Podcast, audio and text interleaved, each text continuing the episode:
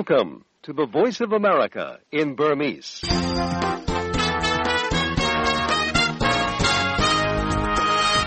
မင်္ဂလာညချမ်းပါသောတာရှင်များရှင်။ American ပြည်ထောင်စု Washington DC မြို့တော် VOA American တန်ကနေ2018ခုနှစ်စက်တင်ဘာလ3ရက်တနင်္လာနေ့ညပိုင်း VOA မြန်မာပိုင်းစီစဉ်တွေကိုမြန်မာစံတော်ချိန်ည9:00နာရီကနေ10:00နာရီထိလှိုင်းဒိုမီတာ25 32 51နဲ့လှိုင်းလက်မီတာ190တို့ကနေဓာတ်ရိုက်ထုတ်လွှင့်ပေးနေပါပြီရှင်။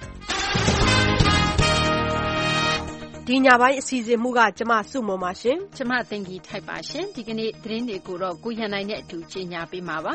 Reuters သတင်းတောင်2ဦးကို နိုင်ငံတော် လျှို့ဝှက်ချက်အဥပဒေနဲ့ ထောင်ဒဏ်9နှစ်စီ ပြစ်ဒဏ်ချမှတ်လိုက်ပါတယ်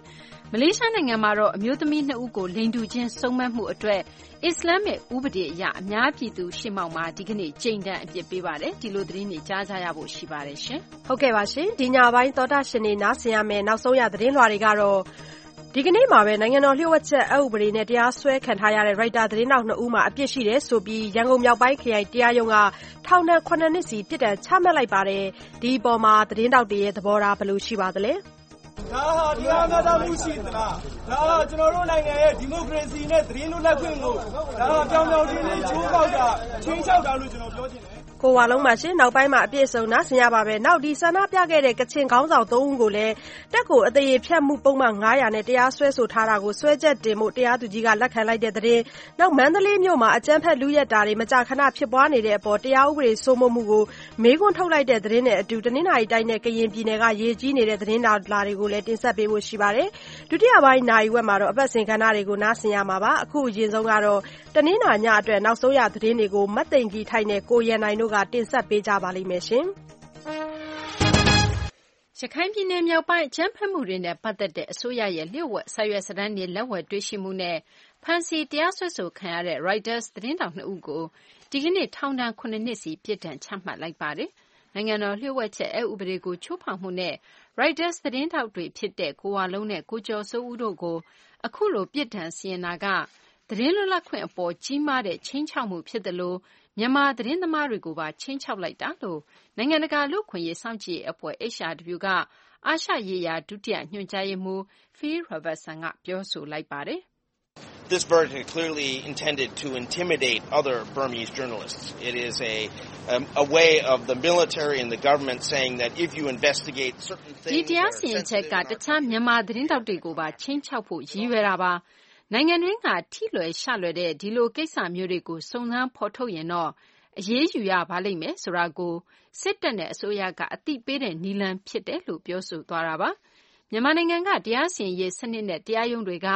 သီးခြား လွတ်လပ်မှု မရှိသေးဘဲ စစ်တပ်နဲ့ အစိုးရဘက်က အလွယ်တကူ စွက်ဖက်နိုင်တယ်လို့လည်း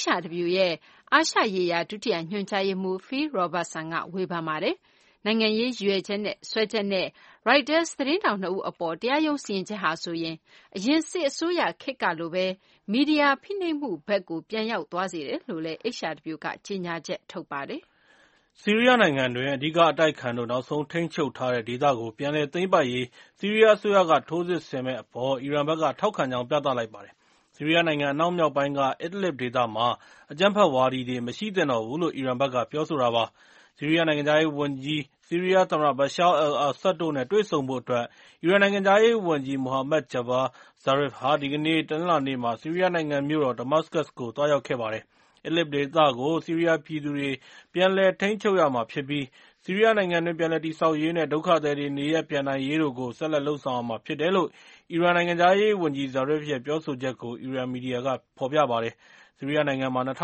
၁၁ ခုနှစ် အစောပိုင်းကစပြီး ဖြစ်ခဲ့တဲ့ စစ်ပွဲအတွင်းမှာ ပါဝင်ပတ်သက်တဲ့ အဖွဲ့အစည်းတွေက အများအပြား ရှိပါတယ်။အစိုးရလိုလားတဲ့ တပ်ဖွဲ့တွေ၊သူပုန်အဖွဲ့တွေ၊စစ်သွေးကြွအုပ်စုတွေ အပါအဝင် အဖွဲ့ပေါင်းစုံက နိုင်ငံတွင်းဒေသတွေကို ထိန်းချုပ်နိုင်ရေး တိုက်ခိုက်နေကြတာ ဖြစ်ပါတယ်။ဘရာဇီးနိုင်ငံရဲ့ သက်တမ်းအရင့်ဆုံး ပြတိုက်ကြီးမှာ မီးအကြီးအကျယ် လောင်ကျွမ်းမှုကို ထိန်းချုပ်နိုင်တော့မယ်လို့ မီးသတ်ဌာန ပြောခွင့်ရက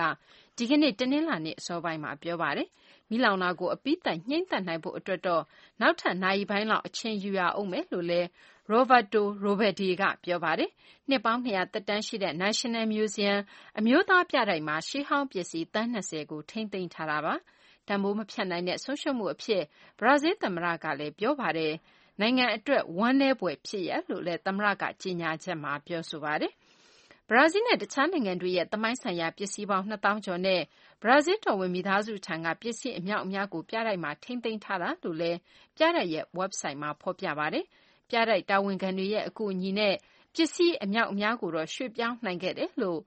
မီးသတ်ဌာန တာဝန်ရှိသူက ပြောပါတယ်။နောက်လမှာ ကျင်းပမယ့် သမ္မတရွေးကောက်ပွဲမှာ ဝင်ရောက်ယှဉ်ပြိုင်မယ့် ကိုယ်စားလှယ်လောင်း Marina Silva ကတော့ အခု မီးလောင်မှုဟာဆိုရင် ဘရာဇီးနိုင်ငံရဲ့ မှတ်ညဏ်ကို ဖြတ်ထုတ်လိုက်သလို ဖြစ်တယ်လို့ ပြောဆိုသွားပါတယ်။ ပြတိုက်ပိတ်ချိန်နောက်ပိုင်း ဖြစ်ခဲ့တဲ့ မီးလောင်မှုအတွင်း သေဆုံး ထိခိုက်ဒဏ်ရာရမှု အစီရင်ခံချက်တွေတော့ မရှိပါဘူး။ကုလသမဂ္ဂ ဒုက္ခသည်အေဂျင်စီ UNHCR က ဒီကနေ့ ထုတ်ပြန်လိုက်တဲ့ အစီရင်ခံစာအရ ဥရောပတိုက်ကို ရောက်ရှိလာကြတဲ့ ရွှေ့ပြောင်းအခြေချနေထိုင်သူ အရေအတွက်ဟာ ကျဆင်းသွားခဲ့ပေမယ့် သေဆုံးမှုနှုန်းကတော့ သိသိသာသာ မြင့်တက်လာကြောင်း၊အထူးသဖြင့် မြေထဲပင်လယ်ကို ဖြတ်ပြီးလာကြသူတွေထဲမှာ ဖြစ်တယ်လို့ ဆိုပါတယ်။လစ်ဗျားနိုင်ငံက ရွှေ့ပြောင်းအခြေချနေထိုင်သူတွေကို တင်ဆောင်တဲ့ စက်လှေတွေနဲ့ သင်္ဘောတွေကို အရှိန်အဟုန်မြှင့် တားဆီးလာနေတဲ့ တချိန်တည်းမှာဘဲ လူကုန်ကူးသူတွေဟာ ပိုပြီးအရဲစွန့်လာကြပါတယ်။လူကုန်ကူးတဲ့သူတွေကို လစ်ဗျားက နှိမ်နင်းနေပေမယ့်လည်း ကိုယ့်နိုင်ငံမှာ လူ့ဂုဏ်သိက္ခာနဲ့အညီ နေခွင့်မရလို့ အဲဒီကနေ ထွက်ပြေးလွတ်မြောက်လာကြတဲ့သူတွေဟာ ဥရောပတိုက်ကို သွားနိုင်ဖို့အတွက် လစ်ဗျားနိုင်ငံကိုရောက်ဖို့ အသည်းအသန် ကြိုးပမ်းနေကြပါတယ်။ Desperate Journeys လို့ နာမည်ပေးထားတဲ့ ဒီအစီရင်ခံစာအရ ပြီးခဲ့တဲ့နှစ်အတွင်း မြေထဲပင်လယ်ကို ဖြတ်ကျော်ဖို့ လုပ်စဉ်အတွင်း လူ ၂၂၇၆ ယောက် ဒါမှမဟုတ် ရောက်ရှိလာတဲ့ လူ ၄၂ ယောက်မှာ ၁ ယောက် သေဆုံးတာဖြစ်တယ်လို့ ပြောပါတယ်။ အခုနှစ်မှာတော့ သေဆုံးသူအရေအတွက်ဟာ ၁,၀၉၅ ယောက်ရှိပြီး ဒီပမာဏကတော့ လူ ၁၈ ယောက်မှာ ၁ ယောက် သေဆုံးနေတာဖြစ်ပါတယ်။ပြီးခဲ့တဲ့ ဇွန်လ တလတည်းမှာကိုပဲ ၇ ယောက်မှာ ၁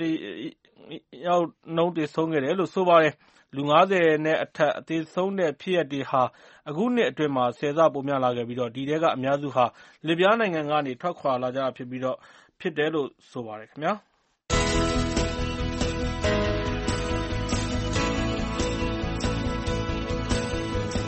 အိုအေအမေရိကန်အသံ ညဘက်မြန်မာဘာသာ အစီအစဉ်တွေကို ညပိုင်း ၉ နာရီကနေ ၁၀ နာရီအထိ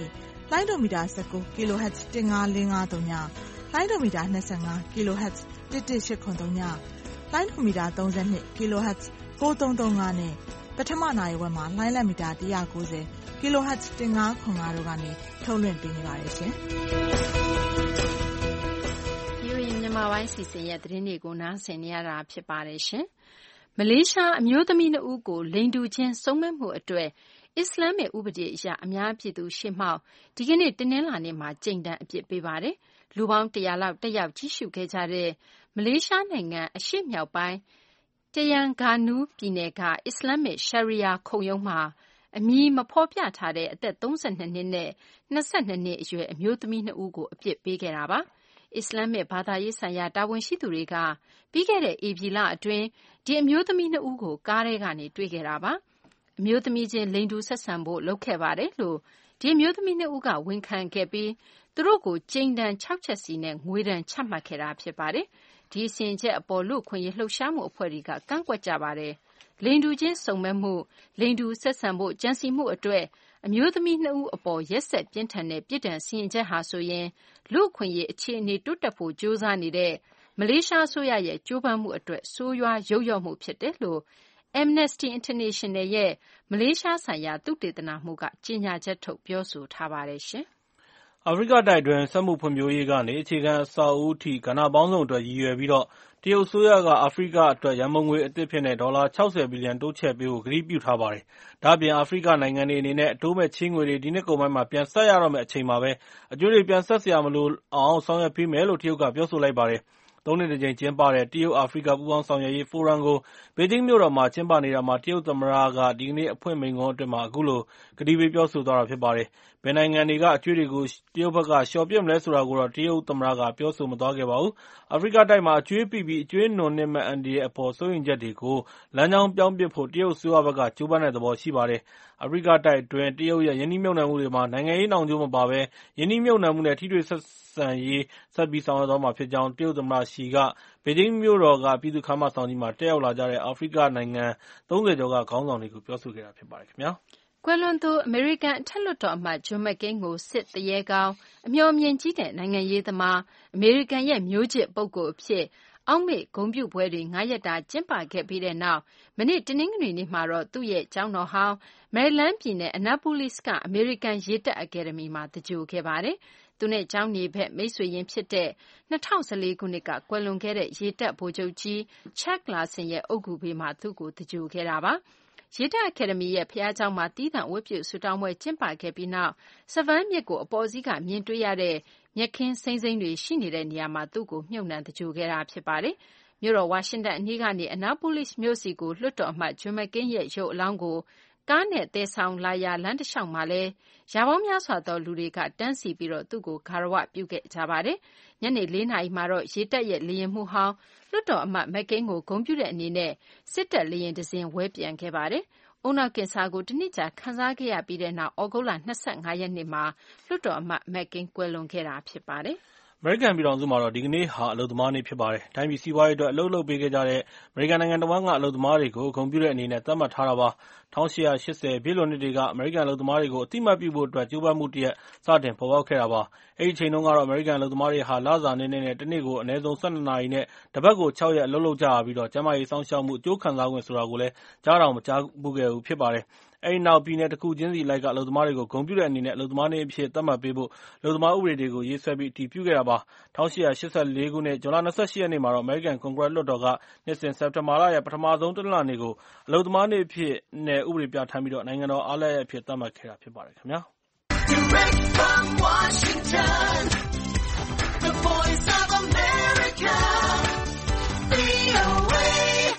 နောက်ဆုံးသိထားတဲ့သတင်းတွေကို မသိင်္ဂီထိုက်နဲ့ ကိုရန်နိုင်တို့ တင်ပြပေးထားပါတယ်။တနင်္လာညအတွက် ထိပ်တန်းရောက် သတင်းလွှာတွေကို ဆက်တိုက်တင်ဆက်ပေးပါမယ်။နိုင်ငံတော်လျှို့ဝှက်ချက် အက်ဥပဒေနဲ့ တရားစွဲဆိုခံထားရတဲ့ ရိုက်တာသတင်းထောက်နှစ်ဦးမှာ အပြစ်ရှိတယ်ဆိုပြီး ရန်ကုန်မြောက်ပိုင်းခရိုင်တရားရုံးက ဒီကနေ့ ထောင်ဒဏ် ၇ နှစ်စီ ပြစ်ဒဏ်ချမှတ်လိုက်ပါတယ်။နိုင်ငံတကာ သံတမန်တွေကတော့ ဒီလို ပြစ်ဒဏ်ချလိုက်တာဟာ သတင်းလွတ်လပ်ခွင့်ကို ပိတ်ပင်ဟန့်တားတဲ့ လုပ်ရပ်ဖြစ်ပြီး မြန်မာပြည် ဒီမိုကရေစီ အသွင်ကူးပြောင်းရေးကို ထိခိုက်စေတဲ့ လုပ်ရပ်လို့ ပြောဆိုဝေဖန်ပါတယ်။တရားရုံးကို ကိုယ်တိုင် သတင်းသွားယူထားတဲ့ ဗွီအိုအေ သတင်းထောက်မေခကသတင်းပေးပို့ထားပါတယ်။ဒီကနေ့ မြောက်ပိုင်းခရိုင်တရားရုံးကနေ ရိုက်တာသတင်းထောက်တွေဖြစ်တဲ့ ကိုဝလုံးနဲ့ ကိုကျော်စိုးဦးတို့ကို အစိုးရလျှို့ဝှက်ချက်များ ဥပဒေပုဒ်မ၃နဲ့ ထောင်ဒဏ် ၇ နှစ် ချမှတ်လိုက်တာပါ။သတင်းထောက် ၂ ယောက်ကို အပြစ်ရှိတယ်ဆိုပြီး ထောင်ဒဏ် ၇ နှစ် ချမှတ်လိုက်တာနဲ့ ပတ်သက်လို့ မြန်မာနိုင်ငံဆိုင်ရာ အမေရိကန်သံအမတ်ကြီး Scot Marciel က တရားရုံးတော်က ထွက်ထွက်ချင်း အခုလို ပြောဆိုလိုက်ပါတယ်။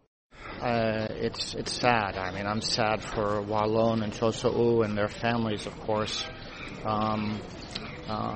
ကိုဝလုံးနဲ့ ကိုကျော်စိုးဦးတို့အတွက် ကျနော် အထူးပဲ စိတ်မကောင်းဖြစ်မိပါတယ်။သူတို့ မိသားစုအတွက်ရော ဒီနေရာမှာ သတင်းလွတ်လပ်ခွင့် အခြေအနေ ပိုမိုတိုးတက်လာရေးအတွက် ဆောင်ရွက်နေတဲ့ လူတွေအတွက်လည်း စိတ်မကောင်းဖြစ်မိပါတယ်။မေးဖို့လိုတဲ့ မေးခွန်းတခုကတော့ ဒီဖြစ်စဉ်ကြီးကြောင့် တရားရေးစနစ်အပေါ် မြန်မာပြည်သူတွေရဲ့ ယုံကြည်မှု ပိုတိုးလာမလား၊လျော့သွားမလား ဆိုတာပါ။မြန်မာပြည်သူတွေက ဒါကို အကဲဖြတ်ကြပါလိမ့်မယ်။”ရိုက်တာသတင်းဌာနရဲ့ အာရှရေးရာ အယ်ဒီတာ Kevin Korleski ကလည်း ဒီအချိန်ဟာ အမှောင်ဖုံးတဲ့ အမှန်တရားကွယ်တဲ့ အချိန်တခုဖြစ်တယ်လို့ ကြေညာချက်တစောင် ထုတ်ပြန်လိုက်ပါတယ်။ဒီတရားရုံးရဲ့ စီရင်ချက်ဟာ ဘက်မလိုက်ဘူး၊မျှတတဲ့ စံသတ်မှတ်ချက်တွေနဲ့ ကိုက်ညီတယ်လို့ ပြောပြနိုင်တဲ့ သက်သေပြနိုင်တဲ့ စီရင်ချက်မျိုး မဟုတ်ခဲ့ဘူးလို့ သူက ဆိုလိုက်ပါတယ်။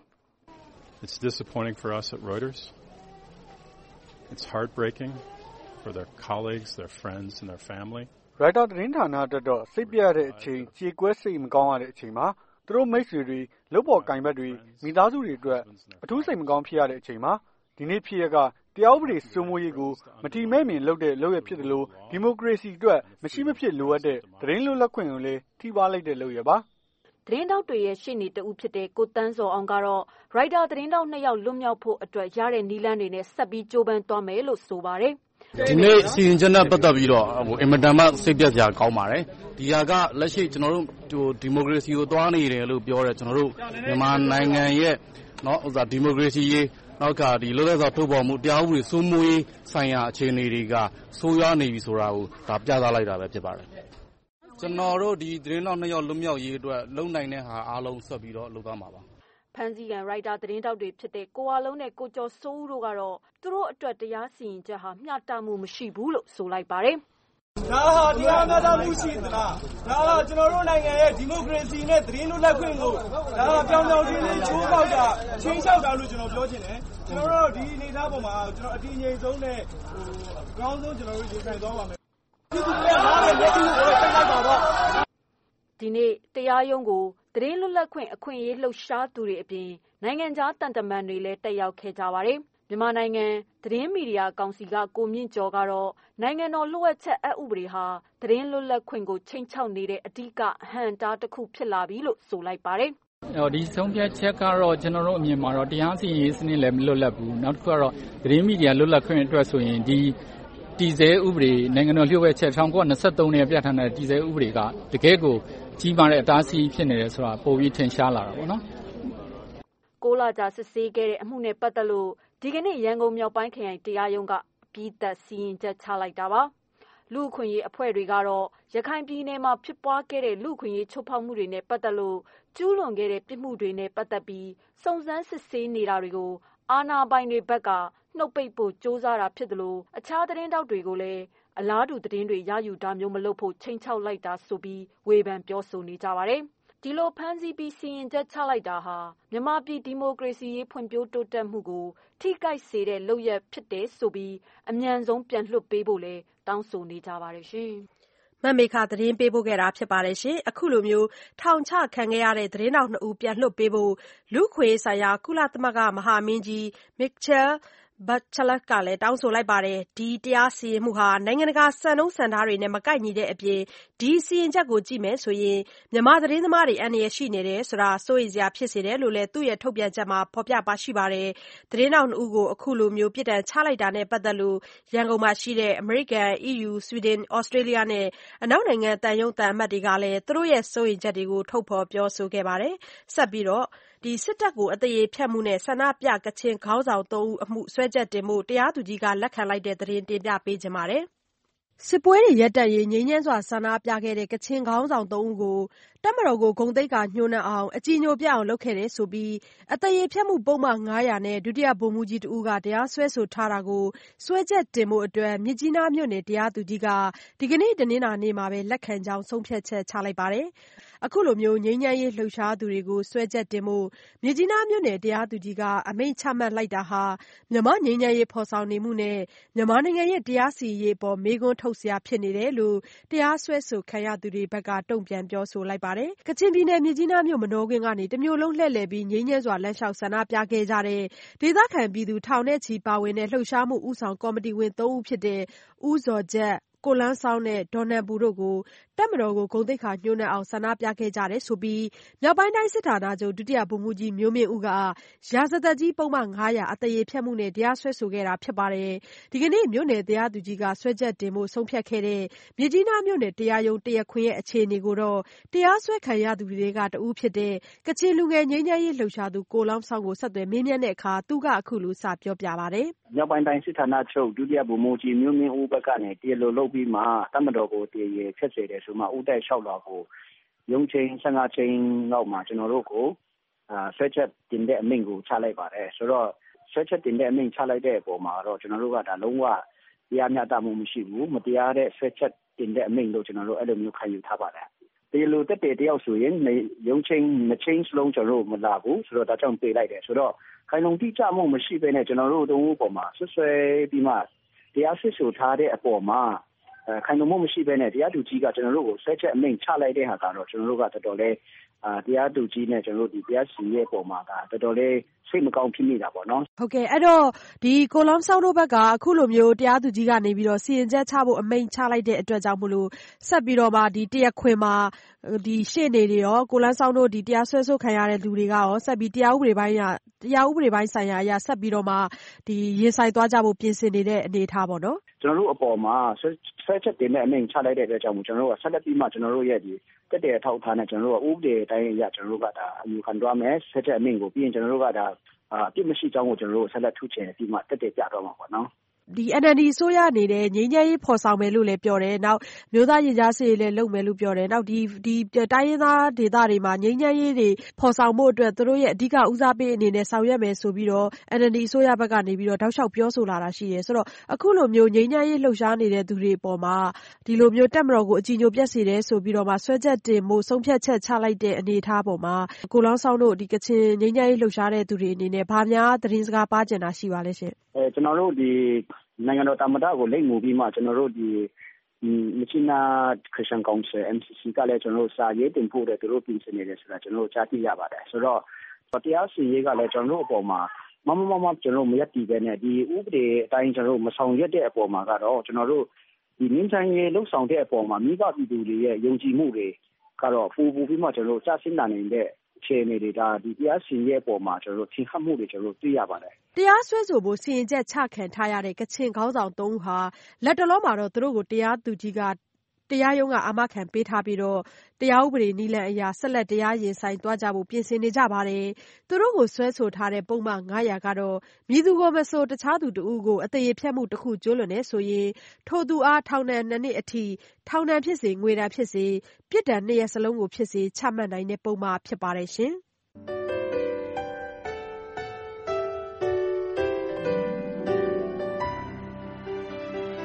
VOA မြန်မာပိုင်းရဲ့ တနင်္လာညချမ်း အစီအစဉ်တွေကို နားဆင်နေရတာ ဖြစ်ပါတယ်။ဒီရက်ပိုင်းတွေအတွင်း မန္တလေးမြို့မှာ အကြမ်းဖက် လုယက်တိုက်ခိုက်မှုတွေ မကြာခဏ ဖြစ်ပွားလာနေတာကြောင့် ပြည်သူတွေ စိုးရိမ်ထိတ်လန့်လာနေကြပါတယ်။လုယက်မှုနဲ့ ရာဇဝတ်မှုတွေ ဖြစ်ပွားရတဲ့ နောက်ကွယ်မှာ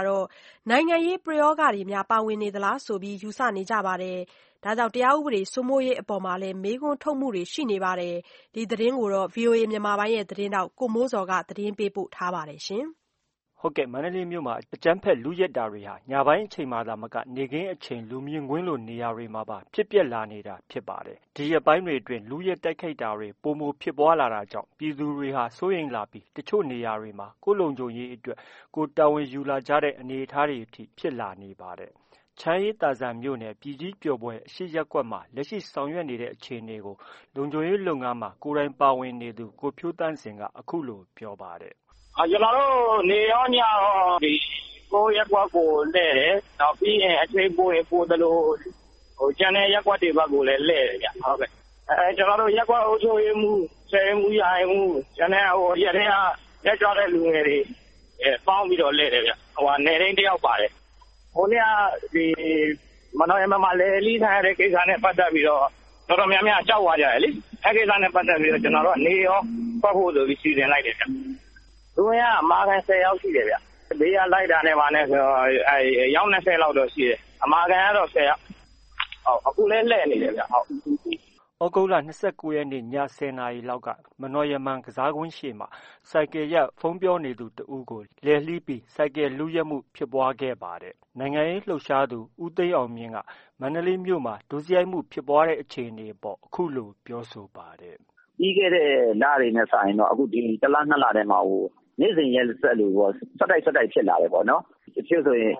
သေဆုံးတဲ့အနေအထားထိကို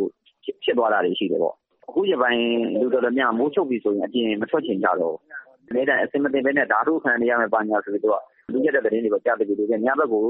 ထွက်ရမယ့်ဟာစိုးရိမ်တယ်။ပြည်သူကကိုယ့်လုံခြုံရေးကိုယ်ယူနေရတဲ့အပိုင်းလိုဖြစ်နေတယ်။ဒီမှာရှိတဲ့မြို့သူမြို့သားတွေရဲ့ထင်မြင်ချက်ကတော့နိုင်ငံရေးပရိယာယ်တောင်ပါနေလားဆိုတဲ့သံသယဖြစ်မှုတွေကလည်းအဲဒီလို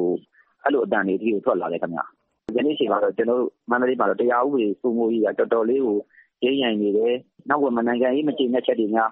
ရှိနေလားလို့တောင်တော်တော်များများတွေးမြင်နေတဲ့အမြင်တစ်ခုဖြစ်ပါတယ်။” ဒီလို ဒုစရိုက်မှုတွေ ပေါများလာနေတာဟာ နိုင်ငံရေးသာမက မူးယစ်ဆေးဝါးနဲ့ ဆက်စပ်နိုင်ကြောင်းလည်း သုံးသပ်တာတွေ ရှိနေပါတယ်။မန္တလေးခရိုင် ရဲတပ်ဖွဲ့မှူး ဒုရဲမှူးကြီးမျိုးအောင်ကတော့ သူ့အမြင်ကို အခုလို ပြောပါတယ်။“တစ်ခုတည်းအပေါ်တော့ ကောက်ချက်ချလို့ ဘယ်ရမလဲ။သဘောကတော့ မူးယစ်ဆေးဝါးကြောင့်လို့ ပြောလို့တော့ မရဘူးပေါ့နော်။နောက်တစ်ခါကျတော့ တချို့ကျလည်း အဆိပ်ကြောင့်ဖြစ်တယ်။တချို့ကျလည်း မူးယစ်ဆေးဝါးကြောင့်ဖြစ်တယ်။တချို့ကျလည်း လောဘကြောင့်ဖြစ်တယ်။ဒီလိုမျိုးတွေတော့ ရှိတာပေါ့နော်။ဖြစ်စဉ်အပေါ်မှာ အားလုံး တစ်ခုတည်းအပေါ်မှာ သုံးသပ်လို့တော့ မရဘူးပေါ့နော်။”လောလောဆယ် ရှိနေတဲ့ ရဲတပ်ဖွဲ့အင်အားနဲ့ အကောင်းဆုံးဖြစ်အောင် ဆောင်ရွက်နေကြောင်းနဲ့ ရပ်ကွက်တွေမှာ အုပ်ချုပ်ရေးမှူးတွေနဲ့ ပူးပေါင်းဆောင်ရွက်တာတွေကိုတော့ နှစ်ဆန်းပိုင်းတည်းက စတင်ပြီး ဆောင်ရွက်နေတာဖြစ်ကြောင်း ပြောပါတယ်။များသောအားဖြင့်တော့ မန္တလေးမြို့ခံတွေဟာ ညဘက် ညဉ့်နက်နက်မှာ အပြင်ထွက်တာမျိုးကို ရှောင်ပြီး လုံခြုံရေးအတွက် သတိထားနေရတယ်လို့ ဒေသခံတွေက ပြောပါတယ်။ တချိန်တည်းမှာ ကိုယ့်လုံခြုံရေးအတွက် ကိုယ်တာဝန်ယူရတဲ့ အခြေအနေကြောင့် လုံခြုံရေးနဲ့ တရားဥပဒေစိုးမိုးရေးအပေါ် ဝေဖန်ပြောဆိုတာတွေလည်း ရှိနေပါတယ်။ ကိုမိုးဇော်သတင်းပေးပို့ထားပါတယ်။ဆက်ပြီးနိုင်ငံတဝန်း မိုးများရေကြီးနေတဲ့အထဲ တနင်္သာရီနဲ့ ကရင်ပြည်နယ်မှာ ရေကြီးမှုဆက်ပြီးဖြစ်ပွားနေဆဲ သတင်းကို တင်ပြပေးထားပါတယ်။တနင်္သာရီတိုင်းဒေသကြီးနဲ့ ကရင်ပြည်နယ်တွေမှာ မြစ်ရေတိုးတာနဲ့ မိုးသည်းထန်ရွာသွန်းမှုတွေကြောင့် ဒေသတွင်းမှာရေဆက်လက်ကြီးနေဆဲ ဖြစ်ပါတယ်။ရေဘေးဒုက္ခသည်စခန်းတွေမှာ နေထိုင်သူတွေ လိုအပ်တဲ့ အခြေခံစားသောက်ရေးအတွက် အစိုးရက ကူညီထောက်ပံ့ပေးနေပေမဲ့ ရေကြီးတဲ့ဒုက္ခခံလာရတာ ၂ လလောက် ကြာလာနေတဲ့အတွက် ထောက်ပံ့ရေးနဲ့ ကူညီကယ်ဆယ်ရေးတွေအခက်အခဲရှိလာနေတယ်လို့ တာဝန်ရှိသူတွေကပြောပါတယ်။ထိုင်းအခြေစိုက်ဗွီအိုအေသတင်းထောက် နိုင်ကွန်းအိန်ကနေအပြည့်အစုံ သတင်းပေးပို့ထားပါတယ်။တနင်္သာရီတိုင်းဒေသကြီး တနင်္သာရီမြို့အတွင်းမှာ မြစ်ရေတိုးလာတဲ့အတွက် စိုးရိမ်ရေမှတ်အထက်မှာ ရှိနေပြီး ရေဘေးရှောင်ဒုက္ခသည်တွေ ရှိနေဆဲလို့ ဘေးအန္တရာယ်စီမံခန့်ခွဲမှု သတင်းပြန်ကြားရေး အတွင်းရေးမှူး ဦးအောင်ဝင်းက ပြောပါတယ်။“ ကျနော်တို့ပေနဲ့လက်မ ရှိပါတယ်။ရေရေမှတ်ပေါ့နော် ဒီနေ့အချိန်ထိ။ကျနော်တို့ရဲ့ စိုးရိမ်ရေမှတ်ပေရှိတယ်ဗျ။အန္တရာယ်ရေမှတ်ကပေရှိတယ်။လောလောဆယ်ဆိုရင်စိုးရိမ်ရေမှတ်အထက်မှာပဲ ရှိနေသေးတယ်ခင်ဗျ။မြို့ထဲမှာလည်း ရေရှိနေပါသေးတယ်။မဆင်းသေးဘူး။စခန်းကတော့ခု ကျန်သေးတယ်။ဦးတော့ ဒီနေ့ ဆန်ပေးတဲ့ စာရင်းအရတော့ လောလောဆယ် အတည်လို့ ပြောလို့ရပါတယ်။” ပြီးခဲ့တဲ့ ဇူလိုင်လရက်နေ့ကစပြီး ရေကြီးခဲ့တာကြောင့် ရေဘေးဒုက္ခသည် သောင်းနဲ့ချီ ရှိရာကနေ ရေကျလာတဲ့ တချို့နေရာက ဒေသခံတွေ အိမ်ပြန်သွားကြတာလည်း ရှိခဲ့ပါတယ်။လက်ရှိ ရေဘေးဒုက္ခသည်တွေကို အစိုးရနဲ့ လူမှုကူညီရေးအဖွဲ့တွေကနေ ဆန် ဆီ ခေါက်ဆွဲခြောက် ငါးသေတ္တာတွေ အကူညီပေးဆောင်နေတယ်လို့ ဦးအောင်ဝင်းက ပြောပါတယ်။ ရေကြီးတာလနီးပါး ကြာလာတာကြောင့် ရေဘေးရှောင်ဒုက္ခသည်တွေအတွက် အခက်ခဲကြုံနေရတယ်လို့ ဒေသခံကူညီရေးအဖွဲ့ဝင်တဦးက ပြောပါတယ်။“ရေကအဲဒီလိုမျိုးတက်နေတယ်ဆိုရင် ဒေသခံပြည်သူတွေအတွက်ကတော့ စီးပွားရေးလည်း အလုပ်လည်းသွားလို့မရ။ရေဘေးဒုက္ခသည်အဖြစ်နဲ့ပဲ တောက်လျှောက်ကြီးနေရသလိုမျိုး ဖြစ်နေပြီ သူတို့ကတော့။သူတို့အတွက် စားဝတ်နေရေးလည်း တော်တော်ခက်ခဲလာတဲ့အပိုင်းပိုင်းရှိတယ်။ နောက်က ကျန်းမာရေးတွေ ကျလာတာပေါ့ ရေရှည်ကျတော့လေ။လူတွေလည်း သွားလာလှုပ်ရှားရခက်တော့လေ။လောလောဆယ် ဒီမှာနေလို့ရသေးတာ မှန်ပေသော်ငြားလည်း စိတ်ပိုင်းဆိုင်ရာတော့ ထိခိုက်တာပေါ့။နောက်တခုက ကလေးတွေရဲ့ ပညာရေးရှိသေးတယ်လေ။ပညာရေးကလည်း ကျောင်းတွေ တချို့ကလည်း ဖွင့်နိုင်သလိုရှိတယ်။တချို့ကျောင်းတွေကလည်း အခုချိန်ထိ မဖွင့်နိုင်သေးဘူးဆိုတော့ ရေရှည်အတွက်တော့ မကောင်းဘူးထင်တာပဲ။”ရေကြီးမှုကြောင့် လက်ရှိ တနင်္သာရီမြို့အတွင်း ကျောင်းကျောင်း ပိတ်ထားရတယ်လို့ တိုင်းပညာရေးမှူး ဒေါ်မြင့်စိန်က ပြောပါတယ်။ လကြာ ရေကြီးမှုကြောင့် ဒေသခံလယ်သမားတွေ လယ်ယာစိုက်ပျိုးရေး မလုပ်ဆောင်နိုင်ဘူးလို့ တနင်္သာရီမြို့နယ် ရေဘေးအန္တရာယ် စီမံခန့်ခွဲမှု သတင်းပြန်ကြားရေး အတွင်းရေးမှူး ဦးအောင်ဝင်းက ဆိုပါတယ်။“ကျနော်တို့ စိုက်ပျိုးရေးဌာနရဲ့ ကွင်းဆင်းစစ်ဆေးချက်အရဆို ဧကပေါင်းဧကတော့ ပျက်စီးတယ်။ရေနစ်မြုပ်ပျက်စီးတာပေါ့။ကျနော်တို့ဆီမှာ မျိုးစပါးတွေကတော့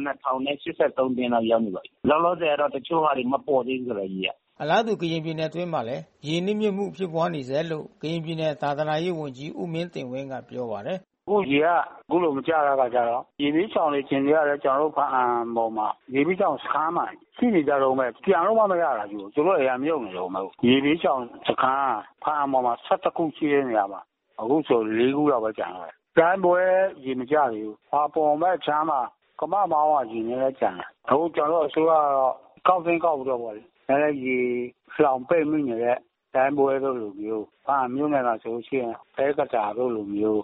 ခယားအတွင်းတို့လိုမျိုးဟိုဘက်က ကော့ကိုးတို့လိုမျိုး အဲဒီရွာတွေကျတော့ ကယ်ဆယ်ရေးပစ္စည်း နောက်တသုတ်ပြန်ပေးနေတယ်။”သံလွင်မြစ်ရေမြင့်တက်လာပြီး ရေကြီးရေလျှံမှုကြောင့် စပါးစိုက်ခင်းတွေ ပျက်စီးခဲ့သလို ယနေ့အထိ ပြန်လည် မစိုက်နိုင်သေးဘူးလို့ ဝန်ကြီးဦးမင်းတင်ဝင်းက ဆိုပါတယ်။ပြီးခဲ့တဲ့ ဇူလိုင်လရက်နေ့ကစပြီး မြန်မာနိုင်ငံအတွင်း တိုင်းနဲ့ ပြည်နယ်ခုမှာ မိုးသည်းထန်စွာ ရွာသွန်းပြီး ရေကြီးမှုတွေ ဖြစ်ပွါးခဲ့တာပါ။ လက်ရှိတိုင်းနဲ့ ပြည်နယ် ခုမှာ ရေဘေးကယ်ဆယ်ရေးစခန်းဖွင့်ထားဆဲဖြစ်ပြီး လက်ရှိရေဘေးသင့် ထိခိုက်မှုအခြေအနေနဲ့ပက်သက်လို့ သဘာဝဘေးအန္တရာယ် စီမံခန့်ခွဲမှုဦးစီးဌာနက ညွှန်ကြားရေးမှူး ဒေါက်တာမင်းသိန်းက အခုလိုပြောပါတယ်။“ကရင် တနင်္သာရီ မွန် ပဲခူး မကွေး စစ်ကိုင်း ဧရာဝတီပေါ့။ဒီတိုင်းဒေသကြီး ပြည်နယ်တွေမှာ ကျနော်တို့ စခန်းတွေ ဖွင့်ထားဆဲပဲ ဖြစ်ပါတယ်။စခန်းပေါင်း ခုလောက်ရှိတယ်။အဲဒီအထဲကမှ စခန်း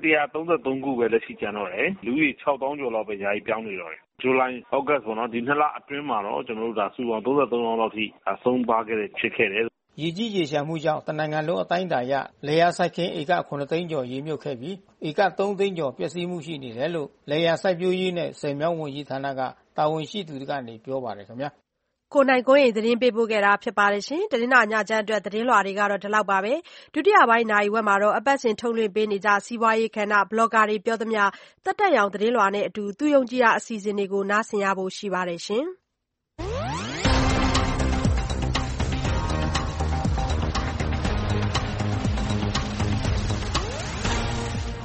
VOA မြန်မာပိုင်းရဲ့ အသံလွှင့်အစီအစဉ်တွေကို တနေ့ကိုကြိမ် ထုတ်လွှင့်ပေးနေပါတယ်။ မြန်မာစံတော်ချိန် မနက်ပိုင်းနာရီကနေနာရီအထိလိုင်းဒိုမီတာ32 40 48အပြင် ဒုတိယနာရီဝက်မှာ လှိုင်းလက်မီတာ ၁၉၀ မှာပါ နားဆင်နိုင်ပြီး ဒီအစီအစဉ်ကို မနက် ၈ နာရီကနေ ၉ နာရီအတွင်း ပြန်လည်ထုတ်လွှင့်ပေးနေပါတယ်။ညနေခင်းအစောပိုင်း ၆ နာရီခွဲကနေ ၇ နာရီအထိ အစီအစဉ်ကိုတော့လိုင်းဒို ၁၇၊၁၉ နဲ့ ၂၅ မီတာတွေမှာ ထုတ်လွှင့်ပေးနေပါတယ်။ ညပိုင်း ၉ နာရီကနေ ၁၀ နာရီအထိ အစီအစဉ်ကိုတော့ လိုင်းဒို ၁၉၊၂၅၊၃၂ နဲ့ စနေ၊တနင်္ဂနွေမှာလှိုင်းလက်မီတာ ၁၉၀ ကပါ ဖမ်းယူနားဆင်နိုင်ပါတယ်။ဒီ ည ၉ နာရီအစီအစဉ်ပြီးပြီးချင်း ည ၁၀ နာရီမှာ လိုင်းဒိုမီတာ ၂၅၊၃၂ နဲ့လှိုင်းလက်မီတာ ၁၉၀ ကနေ ပြန်လည်ပြီး ထုတ်လွှင့်ပေးနေပါတယ်။ VOA မြန်မာပိုင်းအစီအစဉ်တွေနဲ့ အသံလွှင့်မီတာ kHz အသေးစိတ်ကို အင်တာနက်စာမျက်နှာ burmese.voanews.com မှာ ကြည့်ရှုနိုင်ပါတယ်ခင်ဗျာ။ မင်္ဂလာညချမ်းပါသောတာရှင်များရှင်မြန်မာစံတော်ချိန်ည9နာရီခွဲရှိပါပြီ2018ခုနှစ်စက်တင်ဘာလ3ရက်တနင်္လာနေ့ညရဲ့ဒုတိယပိုင်းနာရီဝက်အစီအစဉ်တွေကိုတော့လှိုင်းဒိုမီတာ25 kHz 15453ညလှိုင်းဒိုမီတာ32 kHz 11803ညလှိုင်းဒိုမီတာ52 kHz 9335တို့ကနေည10နာရီထိထုတ်လွှင့်ပေးသွားမှာဖြစ်ပါတယ်ရှင်အခုဇက်တိုက်ထုတ်လွှင့်ပေးမဲ့ဒုတိယပိုင်းနာရီဝက်မှာတော့အပတ်စဉ်ခဏတွေကိုတင်ဆက်ပေးမှာပါစီးပွားရေးခဏဘလော့ဂါတွေပြောသမျှသက်တမ်းရောင် သတင်းလွှာနဲ့အတူ သူယုံကြည်ရာ အစီအစဉ်မှာ နားဆင်ရမှာကတော့ ဒီနေ့ ကျမက ကျမရဲ့ ယုံကြည်ရာ ကျမရဲ့ ခံယူချက် ဘဝရည်တည်ချက်အကြောင်း တစ်စိတ်တစ်စောင်း ပြောပြချင်ပါတယ်ရှင်။လူတိုင်းမှာ ကိုယ်ယုံကြည်ချက်နဲ့ကိုယ် ရှိကြပါတယ်။လူတူကတူပေါ်ယုံနေအဖြစ်အပျက်တစ်ခုကို ယုံနေမမြမြင့်စုရဲ့ ယုံကြည်ရာ နောက်ပိုင်းမှာ အပြည့်အစုံ နားဆင်ရပါမယ်ရှင်။အခု အရင်ဦးဆုံး အပတ်စဉ်ကဏ္ဍတွေထဲက စီးပွားရေးကဏ္ဍကို တင်ဆက်ပေးကြပါမယ်။ ဩဂုတ်လ ၂၇ ရက်နေ့က စီးပွားရေးလုပ်ငန်းရှင်တွေနဲ့ နိုင်ငံတော်အတိုင်ပင်ခံပုဂ္ဂိုလ်ဒေါ်အောင်ဆန်းစုကြည်တို့ နေပြည်တော်မှာ ပြုလုပ်တဲ့ တွေ့ဆုံပွဲထဲမှာ မြန်မာနိုင်ငံ စီးပွားရေးဖွံ့ဖြိုးတိုးတက်ရေးနဲ့ဆိုင်တဲ့ ကိစ္စရပ်အများအပြားကို နိုင်ငံတော်အတိုင်ပင်ခံပုဂ္ဂိုလ်ဒေါ်အောင်ဆန်းစုကြည်က အကျယ်တဝင့် တင်ပြဆွေးနွေးခဲ့ပါတယ်။အဲဒီအထဲမှာ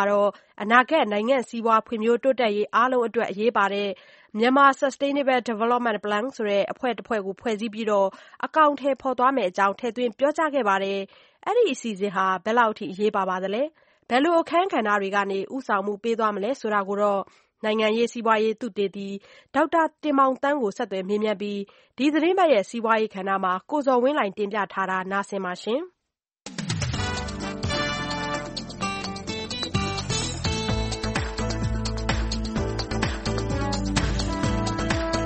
မြန်မာနိုင်ငံအနေနဲ့ ကမ္ဘာနဲ့ ရင်ဘောင်တန်းနိုင်ရေးအတွက် ကနေ့အချိန်မှာ စီးပွားရေးအင်အား တောင့်တင်းအောင် လုပ်ဆောင်ဖို့ လိုအပ်နေတာကြောင့် မြန်မာနိုင်ငံက စီးပွားရေးလုပ်ငန်းရှင်တွေကလည်း တိုင်းပြည် စီးပွားဖွံ့ဖြိုးတိုးတက်ရေးအတွက် ဝိုင်းဝန်း ကူညီ လုပ်ဆောင်ပေးကြဖို့ သြဂုတ်လ ၂၇ ရက်နေ့က နေပြည်တော်မှာ ရှားရှားပါးပါး ပြုလုပ်တဲ့ ပုဂ္ဂလိက လုပ်ငန်းရှင်များနဲ့ တွေ့ဆုံပွဲအတွင်း နိုင်ငံတော်အတိုင်ပင်ခံပုဂ္ဂိုလ် ဒေါ်အောင်ဆန်းစုကြည်က တိုက်တွန်း ပြောကြားသွားခဲ့တာပါ။“ကျမတို့အားလုံးကနေပြီးတော့ ဘယ်လိုကူညီရမလဲဆိုတာ ပိုပြီးတော့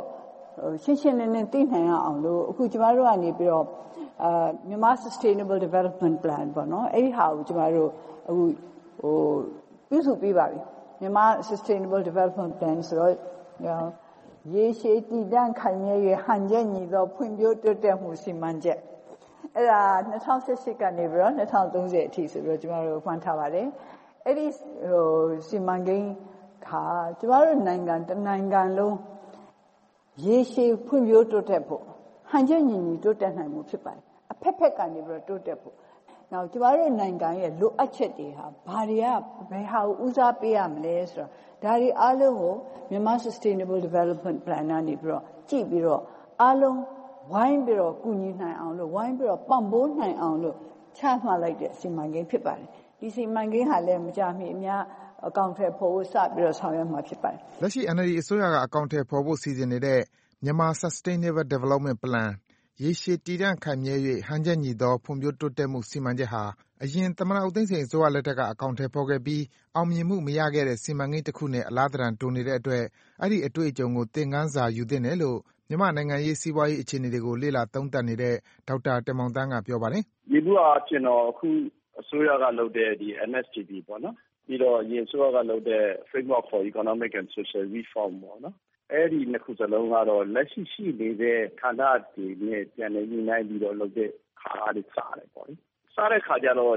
ကျနော်တို့ နှစ်ခုစလုံးရဲ့ လုပ်ပုံကိုင်ပုံက Structure Base ဖြစ်နေတယ်။လက်ရှိဝန်ကြီးဌာနတွေကို အခြေခံတဲ့ဟာ ဖြစ်နေတယ်။မဟာဗျူဟာတခုလုံးကို အရင်စဉ်းစားပြီးမှ ထွက်ပေါ်လာတာ ဟုတ်ရဲ့လားဆိုတာ ကျနော် သံသယရှိတယ်။ဒါ အရင်အစိုးရရော အခုအစိုးရရောပေါ့။ဒါပေမဲ့ အဲဒီထဲမှာ လက်ရှိအစိုးရက သွားချင်တဲ့လမ်းကြောင်းနဲ့ ဆက်စပ်တဲ့ ကျနော်တို့မူဝါဒနဲ့မဟာဗျူဟာမူဝါဒနဲ့လုပ်ငန်းစဉ်ပေါ့နော်ဘယ်သူကလုပ်မယ်ဆိုတဲ့ဟာတွေတော့သတ်မှတ်ချက်တွေလည်းပါတယ်ပေါ့ပါတယ်ဆိုတော့များတော့များနေတယ်လက်ရှိ institution စွမ်းဆောင်ရည်ပေါ့နော်လက်ရှိအဖွဲ့အစည်းရဲ့စွမ်းဆောင်ရည်အရာအကောက်တဲ့ပေါ်နိုင်ပါမလားဆိုတဲ့ပြဿနာတော့ရှိလိမ့်မယ်ထင်တယ်ဒါကအရင်ဆိုရတယ်တုန်းကလည်းဒီပြဿနာရှိတယ်လို့ထင်တယ်အဓိကဘာလဲဆိုရင် အနည်းနှစ်ခုရှိတယ် အရင်ဆိုရဖြစ်ခဲ့တယ်ပြည်စဲဌာနတွေရဲ့ ဖွဲ့စည်းတည်ဆောက်ပုံတွေမှာ ပြန်ပိတ်ပြီးသွားတယ် အဲ့ဒါက မအောင်မြင်ခြင်းရဲ့ အကြောင်းအကြောင်း ဖြစ်တယ် ဘတ်ဂျက်စနစ်ကြီးကိုတိုင်းကလည်းပြည်စဲဌာနတွေရဲ့ ဖွဲ့စည်းပုံပေါ်မှာ အခြေခံပြီး ဘတ်ဂျက်ကိုချတယ် အဲ့ဒါကလည်းမောင်ပြင်ကြီးရဲ့ အကြောင်းရင်းကြီးတစ်ကြောင်း ဖြစ်တယ် ဒါကြောင့်မို့ အဲ့ဒီစိတ်ခေါ်ချက်တွေကို ဘယ်လိုကိုင်တွယ်မလဲဆိုတာ အဓိကကြားတယ်လို့ ပြောချင်တာပါ NLD က အကောင့်ထဲပေါ်မဲ့ဒီဖွံ့ဖြိုးမှုစီမံချက်ဟာ လက်ရှိ တည်ဆဲဌာနတွေအပေါ် အခြေခံထားတဲ့အပြင် ဘတ်ဂျက်စနစ်ကလည်း အဲ့ဒီ ဌာနဆိုင်ရာအသီးသီးအပေါ် ပြန်လည် အခြေခံထားတာကြောင့် စစ်မှန်တဲ့ အောင်မြင်မှုရဖို့ အဲ့ဒီအချက်တွေကို ပြင်နိုင်မှဖြစ်မယ်ဆိုတာကိုလည်း ဒေါက်တာ တင်မောင်သန်းက ထောက်ပြပါတယ်။စပြီး ပြဿနာကို ချင်းကပ်တဲ့အခါမှာ စပြီး ဒီကျွန်တော်တို့လူပေါင်းတွေကို ရေးဆွဲတဲ့အခါမှာဟိုက ဌာနဆိုင်ရာ အခြေခံကနေ ရေးဆွဲရတာ ဖြစ်လာတယ်။ရှိတဲ့ဌာနတွေကို ဖြစ်လာတယ်။ဘတ်ဂျက်စနစ်ကလည်း အဲ့ဒီလိုပဲ ဖြစ်နေတယ်။မှာ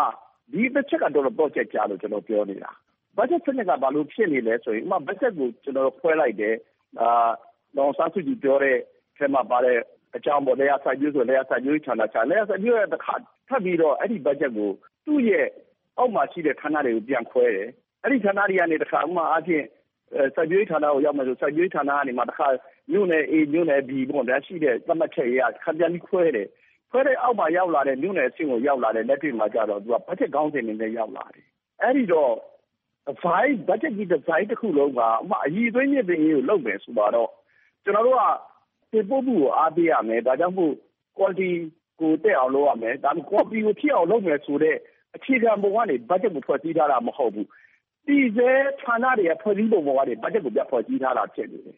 အဲ့ဒါကြီးကိုထိမ့်သိမ်းမှုဖြစ်ဖြစ်နေတယ်အဲ့တော့ခုလုပ်နေတဲ့ NSTP ကအဲ့ဒီကနေမှလက်ရှိလုပ်ချင်တာကိုအကောင့်တွေပေါ်ဖို့ဆိုတဲ့ဟာကို လက်ရှိရှိနေတဲ့ budget စနစ်ကနေ ဘယ်လိုကူးပြောင်းမလဲ အဲ့ဒါအစိန်ခေါ်ချက်ဖြစ်တယ် တခြားအရေးကြီးတဲ့အချက်တစ်ခုကတော့ ဒီစီမံကိန်းကိုဥဆောင်မဲ့သူရဲ့ အခန်းကဏ္ဍဖြစ်တယ်လို့ ဆိုပါတယ်။ထူးသဖြင့်ဥဆောင်မဲ့ကိုဆက်အောင်က ဒုတိယဝန်ကြီးအနေထားကနေဥဆောင်ရမှာဆိုတော့ အဲ့ဒါလေးကိုလိုက်ကိုက စိန်ခေါ်ချက်တစ်ခုဖြစ်နေတယ်လို့ ကျွန်တော်ထင်တယ်။နော်ဒါကဟိုကျွန်တော်တို့ အလေးနဲ့ခြာစဉ်းစားမဲ့အပိုင်းပေါ့နော်။အရင်အစိုးရလက်ထက်မှာတမနာယုံဝန်ကြီးတွေကဥဆောင်ပြီးတော့လောက်တာတော့ပါပဲ အဲပုံပြနေပြောရလို့ရှိရင်ဝန်ကြီးတစ်ပါးကျွန်တော်ကိုပြောဘူးတယ်ခင်ဗျားတို့ကခင်ဗျားအဲ့ဒီဒီသမ္မတရုံးဝန်ကြီးဌာနတွေကပြောတာပြောတာတစ်ပိုင်းပဲကျုပ်တို့ကကျုပ်တို့လုပ်နေတဲ့စီစဉ်တွေလည်းရှိပြီးသားမလို့အဲ့ဒီစီစဉ်တွေပဲသွားတာဆိုတဲ့သဘောမျိုးပြောဘူးတယ်အဲ့ဒီပြဿနာဒီလက်ရှိအစိုးရမှာလည်းလာပြီးကျုံးနိုင်တယ်အဲ့ဒါကိုဘယ်လိုကိုင်တွယ်မလဲဆိုတာကလည်းအဓိကစိန်ခေါ်ချက်ဖြစ်နေတယ်လို့ကျွန်တော်ထင်တယ်အဓိကကြတဲ့အဲ့ဒီအခြေခံအချက်တွေကိုပြင်ဆင်ပြီးချင်းကပ်ပုံတွေမပြောင်းလဲနိုင်ရင်တော့ စနစ်ဟောင်းနဲ့ပြန်ရောက်သွားနိုင်တယ်လို့ ဒေါက်တာတင်မောင်တန်းက သတိပေးပါတယ်။ဒါကြောင့်မို့ မူဝါဒ ပြဋ္ဌာန်းသတ်မှတ်ချက်များ ပြုပြင်ပြောင်းလဲရေး regulatory reform လို့ အင်္ဂလိပ်လိုပြောမယ်။ဗိုလ်ချုပ်ကိုင်မှု လျှော့ချရေး decentralization အဲ့ဒီသုံးခုနဲ့အညီ ရေးထားတဲ့ NSCD မှာ ရေးထားတဲ့ action plan တွေ ဘာတွေကို ပြောင်းဖို့ လုပ်လုပ်ဖို့ လိုအပ်တယ်။အဲ့ဒီနေရာမှာ ပြဋ္ဌာန်းသတ်မှတ်ချက်များ ပြုပြင်ပြောင်းလဲရေးက ကျွန်တော်တို့ ကြားတော့မကြားရဘူး ဖြစ်နေတယ်။ဗိုလ်ချုပ်ကိုင်မှု ဖြေလျှော့ရေး ကြားတော့မကြားရဘူး ဖြစ်နေတယ်။ဒါကြောင့်မို့ ပြောင်းကျင်တာတွေကို ဘယ်လိုပဲပြောင်းပြောင်း စနစ်အဟောင်းကြီးတဲ့ဝင်သွားပြီးကြောင်းရင်တဲ့သူကိုယ်၌က စနစ်အဟောင်းကြီးရဲ့ သားကောင်ကြီး ဖြစ်သွားနိုင်တယ်။ပြောင်းလဲမှုကို ဖော်ဆောင်မယ်ဆိုတဲ့ ကြွေးကြော်ချက်နဲ့ ရွေးကောက်ပွဲမှာ အနိုင်ရလာတဲ့ NLD အစိုးရဟာ ၂၀၀၈ ဖွဲ့စည်းပုံအရ တပ်မတော်သား ကိုယ်စားလှယ်တွေက လွှတ်တော်အတွင်း ၂၅ ရာခိုင်နှုန်း ယူထားတာနဲ့ ပြင်ပမှာလည်း အရေးပါတဲ့ အခန်းကဏ္ဍကို ယူထားပြီး အစိုးရရဲ့ ပြောင်းလဲရေး အစီအစဉ်တွေကို အတိုက်အခံပြု ရပ်တည်နေတာကြောင့် ပြုပြင်ပြောင်းလဲမှုတွေ အောင်မြင်သင့်သလောက် မအောင်မြင်ဘူးဖြစ်နေတယ်ဆိုတဲ့ ပြောဆိုမှုတွေ ရှိနေပါတယ်။တဘက်မှာလည်း ဘယ်လိုပဲ အခက်အခဲတွေ ရှိနေစေဦးတော့ ကိုယ့်ပါတီအတွင်း၊ကိုယ့်အစိုးရအဖွဲ့အတွင်းမှာ အရည်အချင်းရှိတဲ့သူတွေကို ထိုက်တန်စွာ ခန့်အပ် တာဝန်ပေးမယ်ဆိုရင် တချို့ကိစ္စတွေမှာ လက်ရှိအခြေအနေထက် ပိုပြီး အောင်မြင်နိုင်တယ်ဆိုတဲ့ ထောက်ပြ ပြောဆိုမှုတွေလည်း ရှိနေပြန်တာပါ။လာမယ့်အပတ်မှာတော့ ဒေါ်အောင်ဆန်းစုကြည် ပြောသွားတဲ့အထဲက တခြား ဖွံ့ဖြိုးရေးအစီအစဉ်တွေကို ကောက်နုတ် တင်ပြပေးသွားပါမယ်ခင်ဗျာ။ ကိုဇော်ဝင်းလှိုင် စီစဉ်တင်ဆက်ခဲ့တဲ့ စီးပွားရေးကဏ္ဍကို နားဆင်ခဲ့ရတာဖြစ်ပါတယ်ရှင်။ဒီအစီအစဉ်ကိုတော့အခုလို တနင်္လာညချမ်းနဲ့ အင်္ဂါမနက်ခင်းတွေမှာလည်း တလှည့်ပြန်ပြီးထုတ်လွှင့်ပေးတာမို့ စောင့်မျှော် နားဆင်နိုင်ပါတယ်။အခုဆက်ပြီးတော့မစုမြတ်မွန် စီစဉ်တင်ဆက်တဲ့ Blogger တွေ ပြောသမျှ အစီအစဉ်ကို နားဆင်ရအောင်ပါ။ Cryptocurrency လို့ခေါ်တဲ့ Digital ငွေကြေးဟာ အွန်လိုင်းပေါ်မှာသာ လည်ပတ်သုံးစွဲကြတဲ့ ငွေကြေးမျိုးဖြစ်ပါတယ်။လူသိများတဲ့ Bitcoin အပါအဝင် Digital ငွေကြေးကို လက်ခံတဲ့ စီးပွားရေးလုပ်ငန်းတွေကတော့ ကမ္ဘာ့နိုင်ငံတော်တော်များများမှာ ရှိနေပါပြီ။ဗဟိုဘဏ်တွေက တရားဝင်ထုတ်ဝေထားတာမဟုတ်တဲ့ Digital ငွေကြေးကို သုံးစွဲသူ ဘာကြောင့် ပိုများလာပါသလဲ။ဘယ်လိုအားသာချက်တွေ ရှိပါသလဲဆိုတာကို မစုမြတ်မွန်က Blogger တွေပြောသမျှ အစီအစဉ်မှာ တင်ပြထားတာနားဆင်ပါရှင်။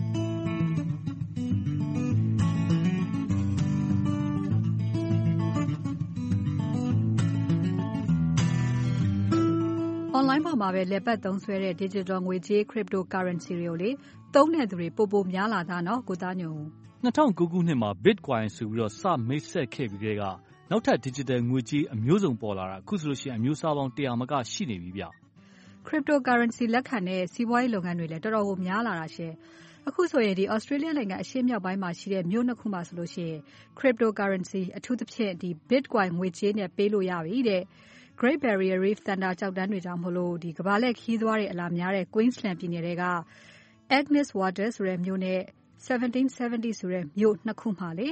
သန္တာကျောက်တန်းတွေရဲ့ တောင်ဘက်မှာရှိတဲ့ မြို့တွေပေါ့။ Digital ငွေကြေးတွေထဲမှာ Bitcoin ကတော့ တန်ဖိုးအများဆုံးပဲ။ Bitcoin တခုကို အမေရိကန်ဒေါ်လာ ၇၅၀၀ ကျော်တန်တာ မစုမြတ်မွန်။ Bitcoin အပါအဝင် Digital ငွေကြေးသုံးကြသူတိုင်းဆီမှာ သက်ဆိုင်တဲ့ ငွေကြေးအတွက် Online account တွေ ရှိကြရတယ်။ အပြင်မှာ တကယ်သုံးစွဲလည်ပတ်နေတဲ့ ငွေကြေးအစစ်နဲ့ Digital ငွေကြေးကို ဝယ်ထားကြရတာပေါ့။ငွေချေတဲ့အခါကျတော့ Digital ငွေကြေးလက်ခံတဲ့ဆိုင်တွေမှာ လွယ်လွယ်ကူကူ ပေးလိုက်ရုံပဲ။ဒီမှာအရေးကြီးတာတခုကတော့ Smartphone ထဲမှာ ကိုယ်သုံးတဲ့ Digital ငွေကြေး app ရှိဖို့တော့လိုပါတယ်။ဒါမှ ငွေပေးငွေချေတာတွေ လုပ်လို့ရမှာလေ။ကိုယ့်ရဲ့ Smartphone ကို ကိုယ့်ရဲ့ Digital ပိုက်ဆံအိတ်လို သုံးရတဲ့သဘောပေါ့။ Australia က Agnes Water နဲ့ 1770 မြို့ ၂ ခုက စီးပွားရေးလုပ်ငန်းပေါင်း ၃၀ ကျော်မှာ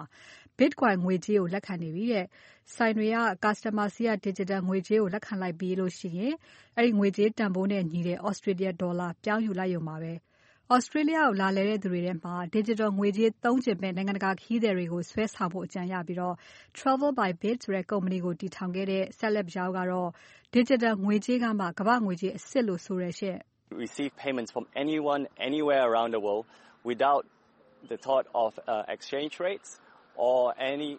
ကမ္ဘာ့ဘယ်နေရာ ဘယ်သူ့ဆီကပဲဖြစ်ဖြစ် ပေးချေတဲ့ငွေကို ငွေလဲနှုန်းတို့ အလိမ်ခံရမှာတို့ စိတ်ပူနေစရာမလိုဘဲ ရနိုင်မှာဖြစ်ပါတယ်။”အခုခေတ်မှာ ကိုယ့်ရဲ့လခကိုတောင် Digital ငွေကြေးနဲ့ လိုချင်ကြသူတွေရှိတယ်လို့ စစ်တမ်းတခုမှာ တွေ့ရတယ်။ခရီးသွားတဲ့အခါ အကြွေးဝယ်ကဒ်တွေ ပိုက်ဆံတွေ အများကြီး သယ်မသွားချင်တဲ့သူတွေအတွက်တော့ အခုလို Digital ငွေကြေးက အဆင်ပြေမယ်။ အနောက်နိုင်ငံအတော်များများမှာလည်း Digital ငွေကြေးကို လက်ခံတဲ့ဆိုင်တွေ နေရာတော်တော်များများ ရှိနေတယ်ဆိုတော့ အခက်အခဲတော့ သိပ်မရှိလှတော့ဘူး။ Cryptocurrency – Digital ငွေကြေးနဲ့ ကမ္ဘာပတ်နေကြသူတွေလည်း မနည်းဘူးလေ။အဲဒါကြောင့်လည်း Travel by Bit က အဲလိုလူမျိုးတွေကို ဆွဲဆောင်နိုင်ဖို့ ခုလိုလုပ်လိုက်တာပဲ။ရှေ့ပြေးအမြင်ရှိတယ်လို့ ပြောရင် မမှားဘူးပေါ့။ဒါကြောင့် Agnes Water နဲ့ 1770 မြို့တွေက စီးပွားရေးလုပ်ငန်းတွေကလည်း လက်ခံကြတာပေါ့။ သူတို့မြို့ကို နိုင်ငံတကာခရီးသွားတွေ ပိုလာကြလိမ့်မယ်လို့ Agnes Water မြို့က အိမ်ခြံမြေလုပ်ငန်းလုပ်တဲ့သူ Gordon Christian ကမျှော်လင့်နေတယ်ရှင့်။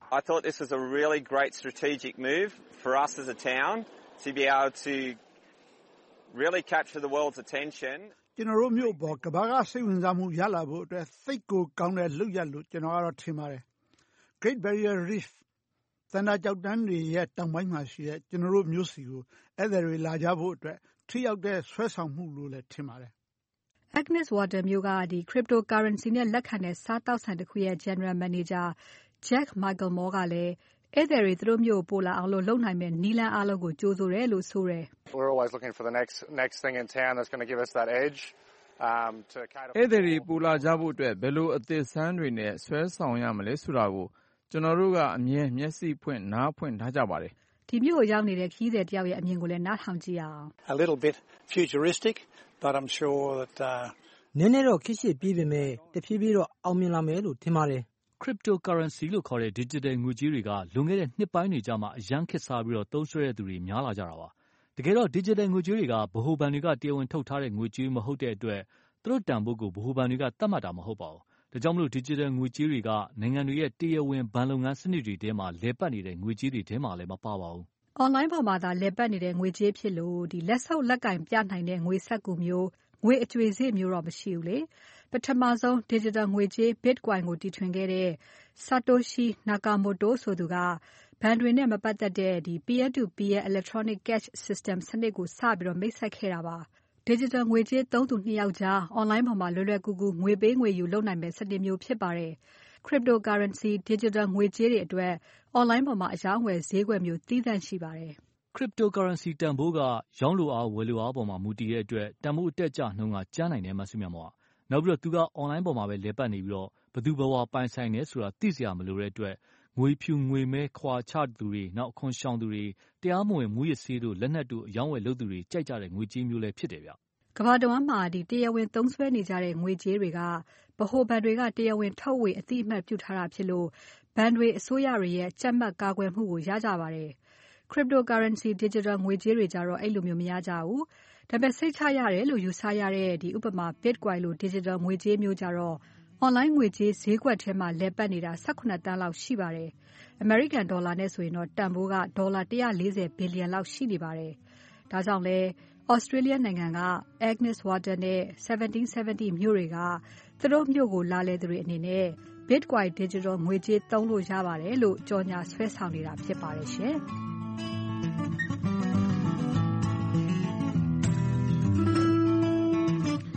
“ကိုသားညွန့်ဦး စီစဉ်တင်ဆက်ခဲ့တဲ့ မစုမြတ်မွန်ရဲ့ဘလော်ဂါတွေ ပြောသမျှ အစီအစဉ်ကို နားဆင်ခဲ့ရတာ ဖြစ်ပါတယ်။ဒီအစီအစဉ်ကိုတော့အခုလို အပတ်စဉ် တနင်္လာညတိုင်းမှာ တင်ဆက်ပေးနေတာ ဖြစ်ပါတယ်။အခုဆက်ပြီးတော့သက်တမ်းရောင် သတင်းလွှာ အစီအစဉ်ကို တင်ဆက်ပေးချင်ပါတယ်။မအေးသန္တာကျော်ကစီစဉ်တင်ဆက်ထားတာ ဖြစ်ပါတယ်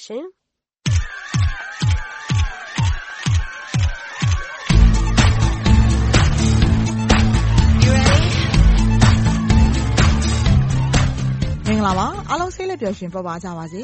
ဒီတစ်ပတ်သက်တမ်းရောင်သတင်းလာမှာတော့ရုပ်ရှင်သရုပ်ဆောင်မင်းသားတွေရဲ့နှစ်စဉ်ဝင်ငွေစာရင်းပြုစုတာမှာဘယ်မင်းသားကဝင်ငွေအများဆုံးနဲ့ထိပ်ဆုံးကရသွားပါသလဲ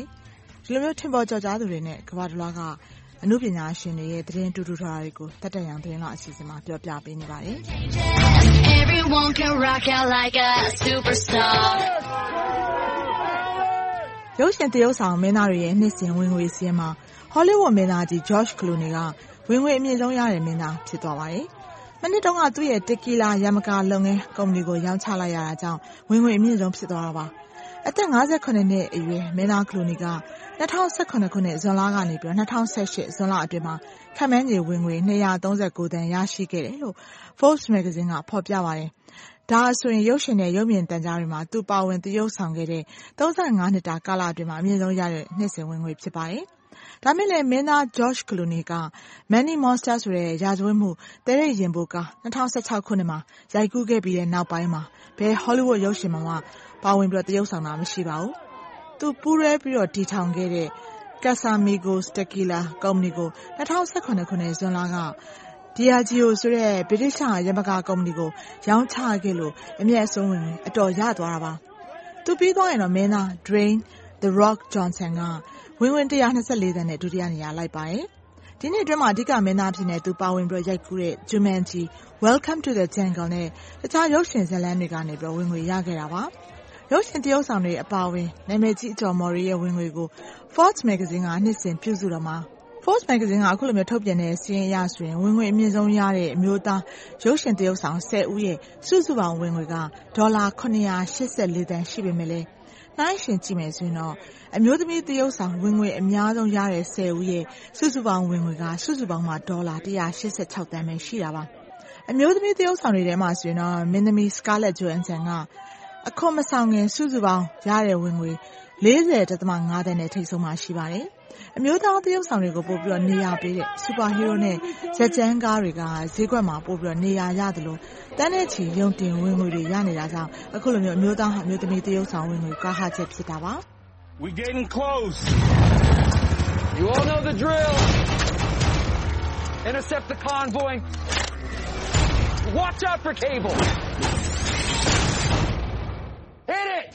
We getting close. You all know the drill. Intercept the convoy. Watch out for cable. Hit it! ၂၀၁၈ ခုနှစ် ဝင်ငွေစာရင်းကို Forbes မဂ္ဂဇင်းက ထုတ်ပြန်ရာမှာ ၂၀၁၇ ခုနှစ် ဇွန်လကနေ ၂၀၁၈ ဇွန်လအထိရတဲ့ အခွန်မဆောင်မီ စုစုပေါင်းဝင်ငွေတွေကို စုဆောင်းပြုစုခဲ့တာ ဖြစ်ပါတယ်။ Nielsen ကုမ္ပဏီကရတဲ့ အချက်အလက်၊ရုပ်ရှင်လုပ်ငန်းဆိုင်ရာ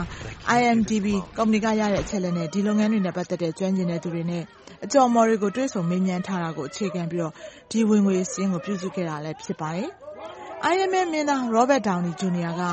အမျိုးသားသရုပ်ဆောင်စာရင်းရဲ့ နံပါတ်မှာရှိပြီး ဝင်ငွေ ခန့်မှန်းခြေ ဒေါ်လာတသန်း ရပါတယ်။သူ့နောက်မှာဆိုရင် Avengers Infinity War ထဲက မင်းသား Chris Hemsworth က ဒေါ်လာသန်းခွဲ ဝင်ငွေရထားပါတယ်။ဝင်ငွေအများဆုံးဆယ်ဦးစာရင်းထဲမှာပါတဲ့ တခြားသူတွေဆိုရင်တော့ Hollywood ကမဟုတ်ရင် Bollywood ရဲ့ နာမည်ကျော် Salman Khan က ဝင်ငွေ ဒေါ်လာသန်းခွဲနဲ့ နံပါတ်။နောက်ထပ် Bollywood မင်းသားတယောက်ဖြစ်တဲ့ Akshay Kumar ကတော့ ဒေါ်လာ သန်းကျော်နဲ့ နံပါတ်နေရာမှာ ရှိပါတယ်။ အမေရိကန်မင်းသား Will Smith က ဒေါ်လာသန်းနဲ့ နံပါတ်နေရာကို ယူထားပါတယ်ရှင်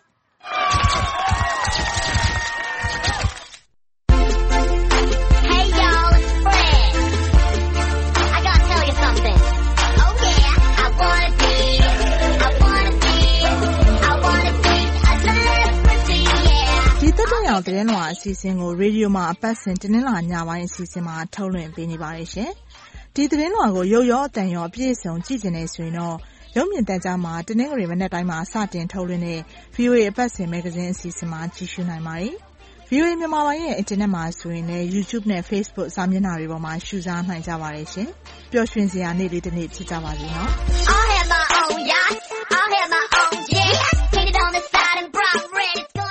မအေးသန္တာကျော် စီစဉ်တင်ဆက်ခဲ့တဲ့ သက်တမ်းရောင် သတင်းလွှာအစီအစဉ်ကို နားဆင်ခဲ့ရတာဖြစ်ပါတယ်ရှင်။အခုဆက်ပြီး တနင်္လာညရဲ့ အပတ်စဉ်ကဏ္ဍ အစီအစဉ်တခုဖြစ်တဲ့ သူယုံကြည်ရာ အစီအစဉ်ကို တင်ဆက်ပေးဖို့ အချိန်ရောက်ပါပြီ။ဒီသတင်းပတ်မှာတော့ မမြမြင့်စုကသူဘာကို ယုံကြည်သလဲဆိုတာကို နားဆင်ကြရပါမယ်။မမိုးဖြူက စီစဉ်တင်ဆက်ပေးထားပါတယ်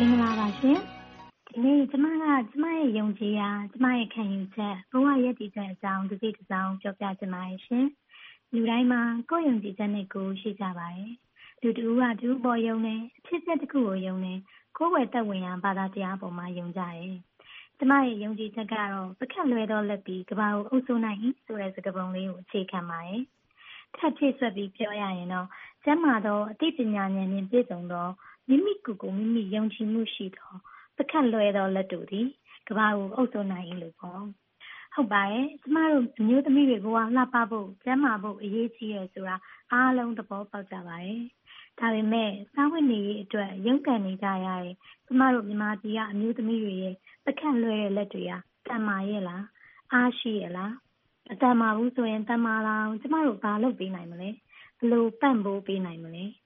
ဒီနေရာမှာကျမယုံကြည်ရာတစ်ခုကကျန်းမာမှအလုပ်လုပ်နိုင်မယ်။အလုပ်လုပ်နိုင်မှအာဟာရမျှတအောင်စားနိုင်မယ်။ပိုပြီးကျန်းမာလာမယ်။ဒီလိုမှမဟုတ်ရင်တော့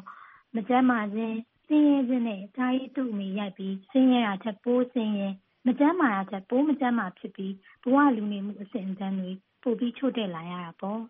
။ကျမကလေဆရာဝန်တယောက်အနေနဲ့လူနာကို ဆေးပေးကုသရုံ၊ခွဲစိတ်ကုသပေးရုံနဲ့လုံလောက်တယ်လို့ဘယ်တုန်းကမှမထင်ခဲ့ပါဘူး။ကျန်းမာရေးကောင်းဖို့အတွက်အခြေခံစားဝတ်နေရေးပြေလည်ဖို့လိုပါတယ်။အဲဒီအတွက်အလုပ်အကိုင်အခွင့်အလမ်းတွေအထူးသဖြင့်အမျိုးသမီးတွေအတွက်အလုပ်အကိုင်အခွင့်အလမ်းတွေပိုပြီးရရှိအောင်ကျမတို့ဆောင်ရွက်ကြရမယ်။အလုပ်အကိုင်ဆိုတဲ့နေရာမှာရုံးခန်းထဲမှာရုံးဝတ်စုံအပြည့်နဲ့ထိုင်ပြီးအလုပ်လုပ်နေရမှာလို့မဆိုလိုပါဘူး။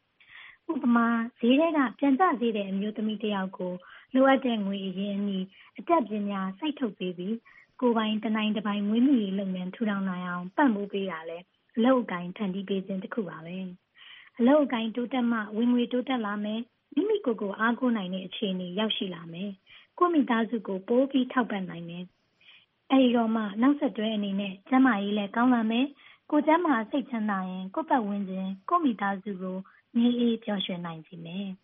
ဒီလိုနဲ့ပဲတဦးတယောက်ကအစတတိုင်းပြည်လုံးကျန်းမာပျော်ရွှင်ကြရမှာပေါ့။ကျမယုံကြည်တဲ့အမျိုးသမီးတွေအတွက်အလုပ်အကိုင်အခွင့်အလမ်းတိုးတက်ဖွံ့ဖြိုးရေးရည်မှန်းချက်တွေတကယ်ဖြစ်လာဖို့လိုအပ်တဲ့အတတ်ပညာအသိပညာတွေအခုလက်ရှိမှာတိုးပွားအောင်သင်ယူနေပါတယ်။ဒါပေမဲ့တဦးတယောက်ရဲ့စွမ်းပကားနဲ့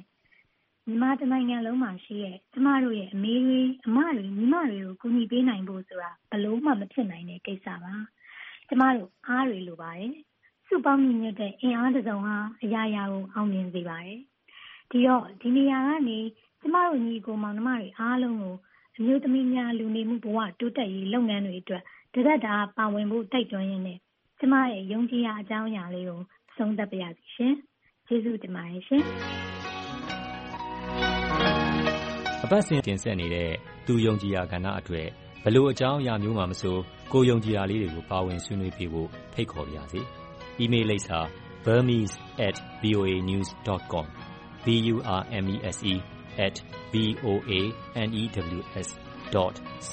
ကိုစာရေးပြီးဆက်သွယ်ရမယ့်တယ်လီဖုန်းနံပါတ်ကိုအကြောင်းကြားလိုက်ပါခင်ဗျာကျွန်တော်ပြန်ဆက်သွယ်ပါမယ်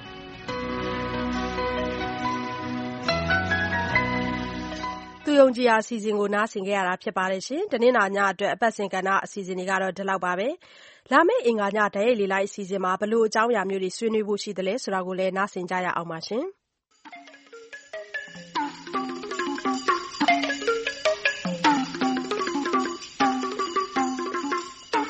သရရှိပါခင်ဗျာမြန်မာပြည်သက်တွေ အကြိုက်တွေ့ကြတဲ့ လူမှုကွန်ရက်တစ်ခုဖြစ်တဲ့ Facebook စာမျက်နှာပေါ်ကနေပြီးတော့ဗိုလ်ချုပ်မှုကြီးမင်းအောင်လှိုင်တက်မတော်ကာကွယ်ဦးစီးချုပ်ရုံးနဲ့ တခြား စစ်တပ်နဲ့ຫນွယ်တဲ့ အကောင့်တွေကို ဖယ်ရှားလိုက်တာကြောင့်မလို့လူမှုကွန်ရက်သုံးဆွဲတဲ့ မြန်မာတွေကြားမှာ ကန့်ကွက်သူတွေ ထောက်ခံသူတွေနဲ့ အတော်လေးကို ပွဲစီခဲ့ပါတယ်။တစ်ဖက်မှာတော့ Facebook စာ VK ဆိုတဲ့ ရုရှားခြေစိုက် လူမှုကွန်ရက်ကိုသုံးဖို့ လှုံ့ဆော်မှုတွေလည်း ရှိလာပါတယ်။ဒါကြောင့်မလို့ Facebook ရဲ့ အခုလို အရေးယူမှုမျိုးဟာ တကယ်ပဲ သူတို့ခေါ် Community Standards ခေါ်တဲ့ သူတို့ရဲ့စံနဲ့ရောညီရဲ့လား အခုလို ပိတ်ပင်တာကြောင့် လွတ်လပ်စွာ ပြောဆိုခွင့်ပေါ်တက်ရောက်သွားနိုင်သလားတစ်ဖက်မှာ VK လူမှုကွန်ရက်ကရော တကယ်ပဲ လွတ်လပ်ရဲ့လား ဒီအကြောင်းကိုလာမယ့် အင်္ဂါနေ့ညဓာတ်ရိုက်လေလိုက်အစီအစဉ်မှာ ဆွေးနွေးပါမယ်။ ပါဝင်ဆွေးနွေးမေးမြန်းလိုတဲ့သရရှင်တွေအနေနဲ့ ကိုယ့်ရဲ့ တယ်လီဖုန်းနံပါတ်တွေကို ကြိုတင်ပေးပို့ထားမယ်ဆိုရင်ဓာတ်ရိုက်လေလိုက်အစီအစဉ် လွှင့်ထုတ်တဲ့အချိန်မှာ ခေါ်ယူမှာဖြစ်ပါတယ်။ဒါမှမဟုတ် ကိုယ့်အမြင် ကိုယ့်ရဲ့မေးခွန်းတွေကို စာနဲ့ဖြစ်စေ အသံဖိုင်နဲ့ဖြစ်စေ ကြိုတင်ပေးပို့ထားလို့လည်း ရပါတယ်။ VOA မြန်မာပိုင်းရဲ့ ဖုန်းနံပါတ်က1 232 382 5554ဖြစ်ပါတယ်။ email လိပ်စာကတော့ burmese@voanews.com ဖြစ်ပါတယ်။ပါဝင်ဆွေးနွေးမေးမြန်းကြမယ့် သောရရှင်တွေကို ကြိုဆိုပါရစေခင်ဗျာ။ မနက်ဖြန် အင်္ဂါညဓာတ်ရိုက်လေလိုက်အစီအစဉ်မှာ ပါဝင်ဆွေးနွေးကြဖို့ သောတရှင်တွေကို ထပ်မံဖိတ်ခေါ်ပါရစေရှင်။ VOA မြန်မာပိုင်းရဲ့ တနင်္လာညချမ်းအစီအစဉ်တွေကို နားဆင်နေရတာဖြစ်ပါတယ်။မနက်ဖြန် အင်္ဂါမနက်ခင်း ထုတ်လွှင့်ပေးမယ့် အစီအစဉ်တွေကိုတော့လှိုင်းဒိုမီတာ24 40 41နဲ့ လှိုင်းလက်မီတာ190တို့ကနေ ဖမ်းယူနားဆင်နိုင်ပါတယ်။ဒီအစီအစဉ်တွေမှာတော့စီးပွားရေးကဏ္ဍ၊သုတစုံလင် အမေရိကန်တခွင်နဲ့ မနက်ခင်းတိုင်း တင်ဆက်ပေးနေကျ အင်္ဂလိပ်စာသင်ခန်းစာ အစီအစဉ်တွေကို စောင့်မျှော် နားဆင်နိုင်ပါတယ် အစီအစဉ်တွေ အဆုံးမသတ်ခင် အခုကျန်နေသေးတဲ့အချိန်မှာ သတင်းအကျဉ်းချုပ်ကို မသိင်္ဂီထိုက်က တက်လှည့် ကြေညာပေးပါမယ်။ရခိုင်ပြည်နယ်မြောက်ပိုင်း အကြမ်းဖက်မှုတွေနဲ့ ပတ်သက်တဲ့ အစိုးရရဲ့ လျှို့ဝှက် စာရွက်စာတမ်းတွေ လက်ဝယ်တွေ့ရှိမှုနဲ့ ဖမ်းဆီး တရားစွဲဆိုခံခဲ့ရတဲ့ Reuters သတင်းထောက် နှစ်ဦးကို ဒီကနေ့ ထောင်ဒဏ် ၇ နှစ်စီ ပြစ်ဒဏ်ချမှတ်ပါတယ်။ နိုင်ငံတော် လျှို့ဝှက်ချက် အက်ဥပဒေ ချိုးဖောက်မှုနဲ့ Reuters သတင်းထောက် နှစ်ဦး ဖြစ်တဲ့ ကိုဝလုံးနဲ့ ကိုကျော်စိုးဦးတို့ကို ဒီကနေ့ ပြစ်ဒဏ်စီရင်တာ ဖြစ်ပါတယ်။ဆီးရီးယား နိုင်ငံတွင်း အဓိက အတိုက်အခံတို့ နောက်ဆုံး ထိန်းချုပ်ထားတဲ့ ဒေသကို ပြန်လည် သိမ်းပိုက်ရေး ဆီးရီးယား အစိုးရက ထိုးစစ်ဆင်မယ့် အပေါ် အီရန်ဘက်က ထောက်ခံကြောင်း ပြသလိုက်ပါတယ်။ဆီးရီးယား နိုင်ငံ အနောက်မြောက်ပိုင်းက Idlib ဒေသမှာ အကြမ်းဖက် ဝါဒီတွေ မရှိသင့်တော့ဘူးလို့ အီရန်ဘက်က ပြောဆိုတာ ဖြစ်ပါတယ်။ ဘရာဇီးနိုင်ငံရဲ့ သက်တမ်းအရင့်ဆုံး ပြတိုက်ကြီးမှာ မီးအကြီးအကျယ် လောင်ကျွမ်းခဲ့ပါတယ်။မီးလောင်တာကို အပြီးသတ် ငြှိမ်းသတ်နိုင်ဖို့ အတွက် နောက်ထပ် နာရီပိုင်းလောက် အချိန်ယူရဦးမယ်လို့လည်း မီးသတ်ဌာနက ပြောပါတယ်။နှစ်ပေါင်း ၂၀၀ သက်တမ်းရှိတဲ့ National Museum အမျိုးသား ပြတိုက်မှာ ရှေးဟောင်း ပစ္စည်း သန်း ၂၀ ကို ထိန်းသိမ်းထားတာ ဖြစ်ပါတယ်။ မလေးရှားနိုင်ငံမှာတော့ အမျိုးသမီးနှစ်ဦးကို လိင်တူချင်း စုံမက်မှု အတွက် အစ္စလာမ္မစ် ဥပဒေ အရ အများပြည်သူ ရှေ့မှောက်မှာ ဒီကနေ့ တနင်္လာနေ့မှာကြိမ်ဒဏ် အပြစ်ပေးပါတယ်။လူပေါင်း ၁၀၀ လောက် တက်ရောက် ကြည့်ရှုခဲ့ကြတဲ့ မလေးရှားနိုင်ငံ အရှေ့မြောက်ပိုင်း Terengganu ပြည်နယ်က အစ္စလာမ္မစ်ရှာရီယာခုံရုံးမှာ အမည်ဖော်ပြမထားတဲ့ အသက် ၃၂ နှစ်နဲ့ ၂၂ နှစ် အရွယ် အမျိုးသမီးနှစ်ဦးကို ပြစ်ဒဏ်စီရင်တာ ဖြစ်ပါတယ်။ အာဖရိကတိုက်အတွင်း စက်မှုဖွံ့ဖြိုးရေးကနေ အခြေခံအဆောက်အအုံအထိ ကဏ္ဍပေါင်းစုံအတွက်ရည်ရွယ်ပြီး တရုတ်အစိုးရက အာဖရိကအတွက် ရန်ပုံငွေအသစ်အဖြစ် ဒေါ်လာ ၆၀ ဘီလီယံ တိုးချဲ့ပေးဖို့ ကတိပြုလိုက်ပါတယ်။ သတင်းကြီးချုပ်ကို မသိင်္ဂီထိုက်ကကြေညာပေးခဲ့တာဖြစ်ပါတယ်။တနင်္လာညအတွက် အစီအစဉ်ထုတ်လုပ်ရေးမှူးက ကိုသားညွန့်ဦးဖြစ်ပါတယ်။စက်ပိုင်းဆိုင်ရာ အသံဖတ်အင်ဂျင်နီယာကတော့ Violet Zonyat ဖြစ်ပါတယ်။ကျမက ဆုမွန်ပါ။ဒီညအစီအစဉ်မှူးအဖြစ် တာဝန်ယူတင်ဆက်ပေးခဲ့တာဖြစ်ပါတယ်။အခုထုတ်လွှင့်ပေးခဲ့တဲ့ ညပိုင်းအစီအစဉ်တွေကို အစီအစဉ်ပြီးပြီးချင်း ည ၁၀ နာရီကနေ ၁၁ နာရီအထိ တကြိမ်ပြန်ပြီး ထုတ်လွှင့်ပေးပါတယ်။ VOA ကို နားသောတာဆင်ခဲ့တဲ့အတွက် ကျေးဇူးအထူးပဲ တင်ရှိပါတယ်။သောတာရှင်တွေအားလုံး ရွှင်လန်းချမ်းမြေ့ကြပါစေ။ကောင်းသောညချမ်း ဖြစ်ကြပါစေရှင်။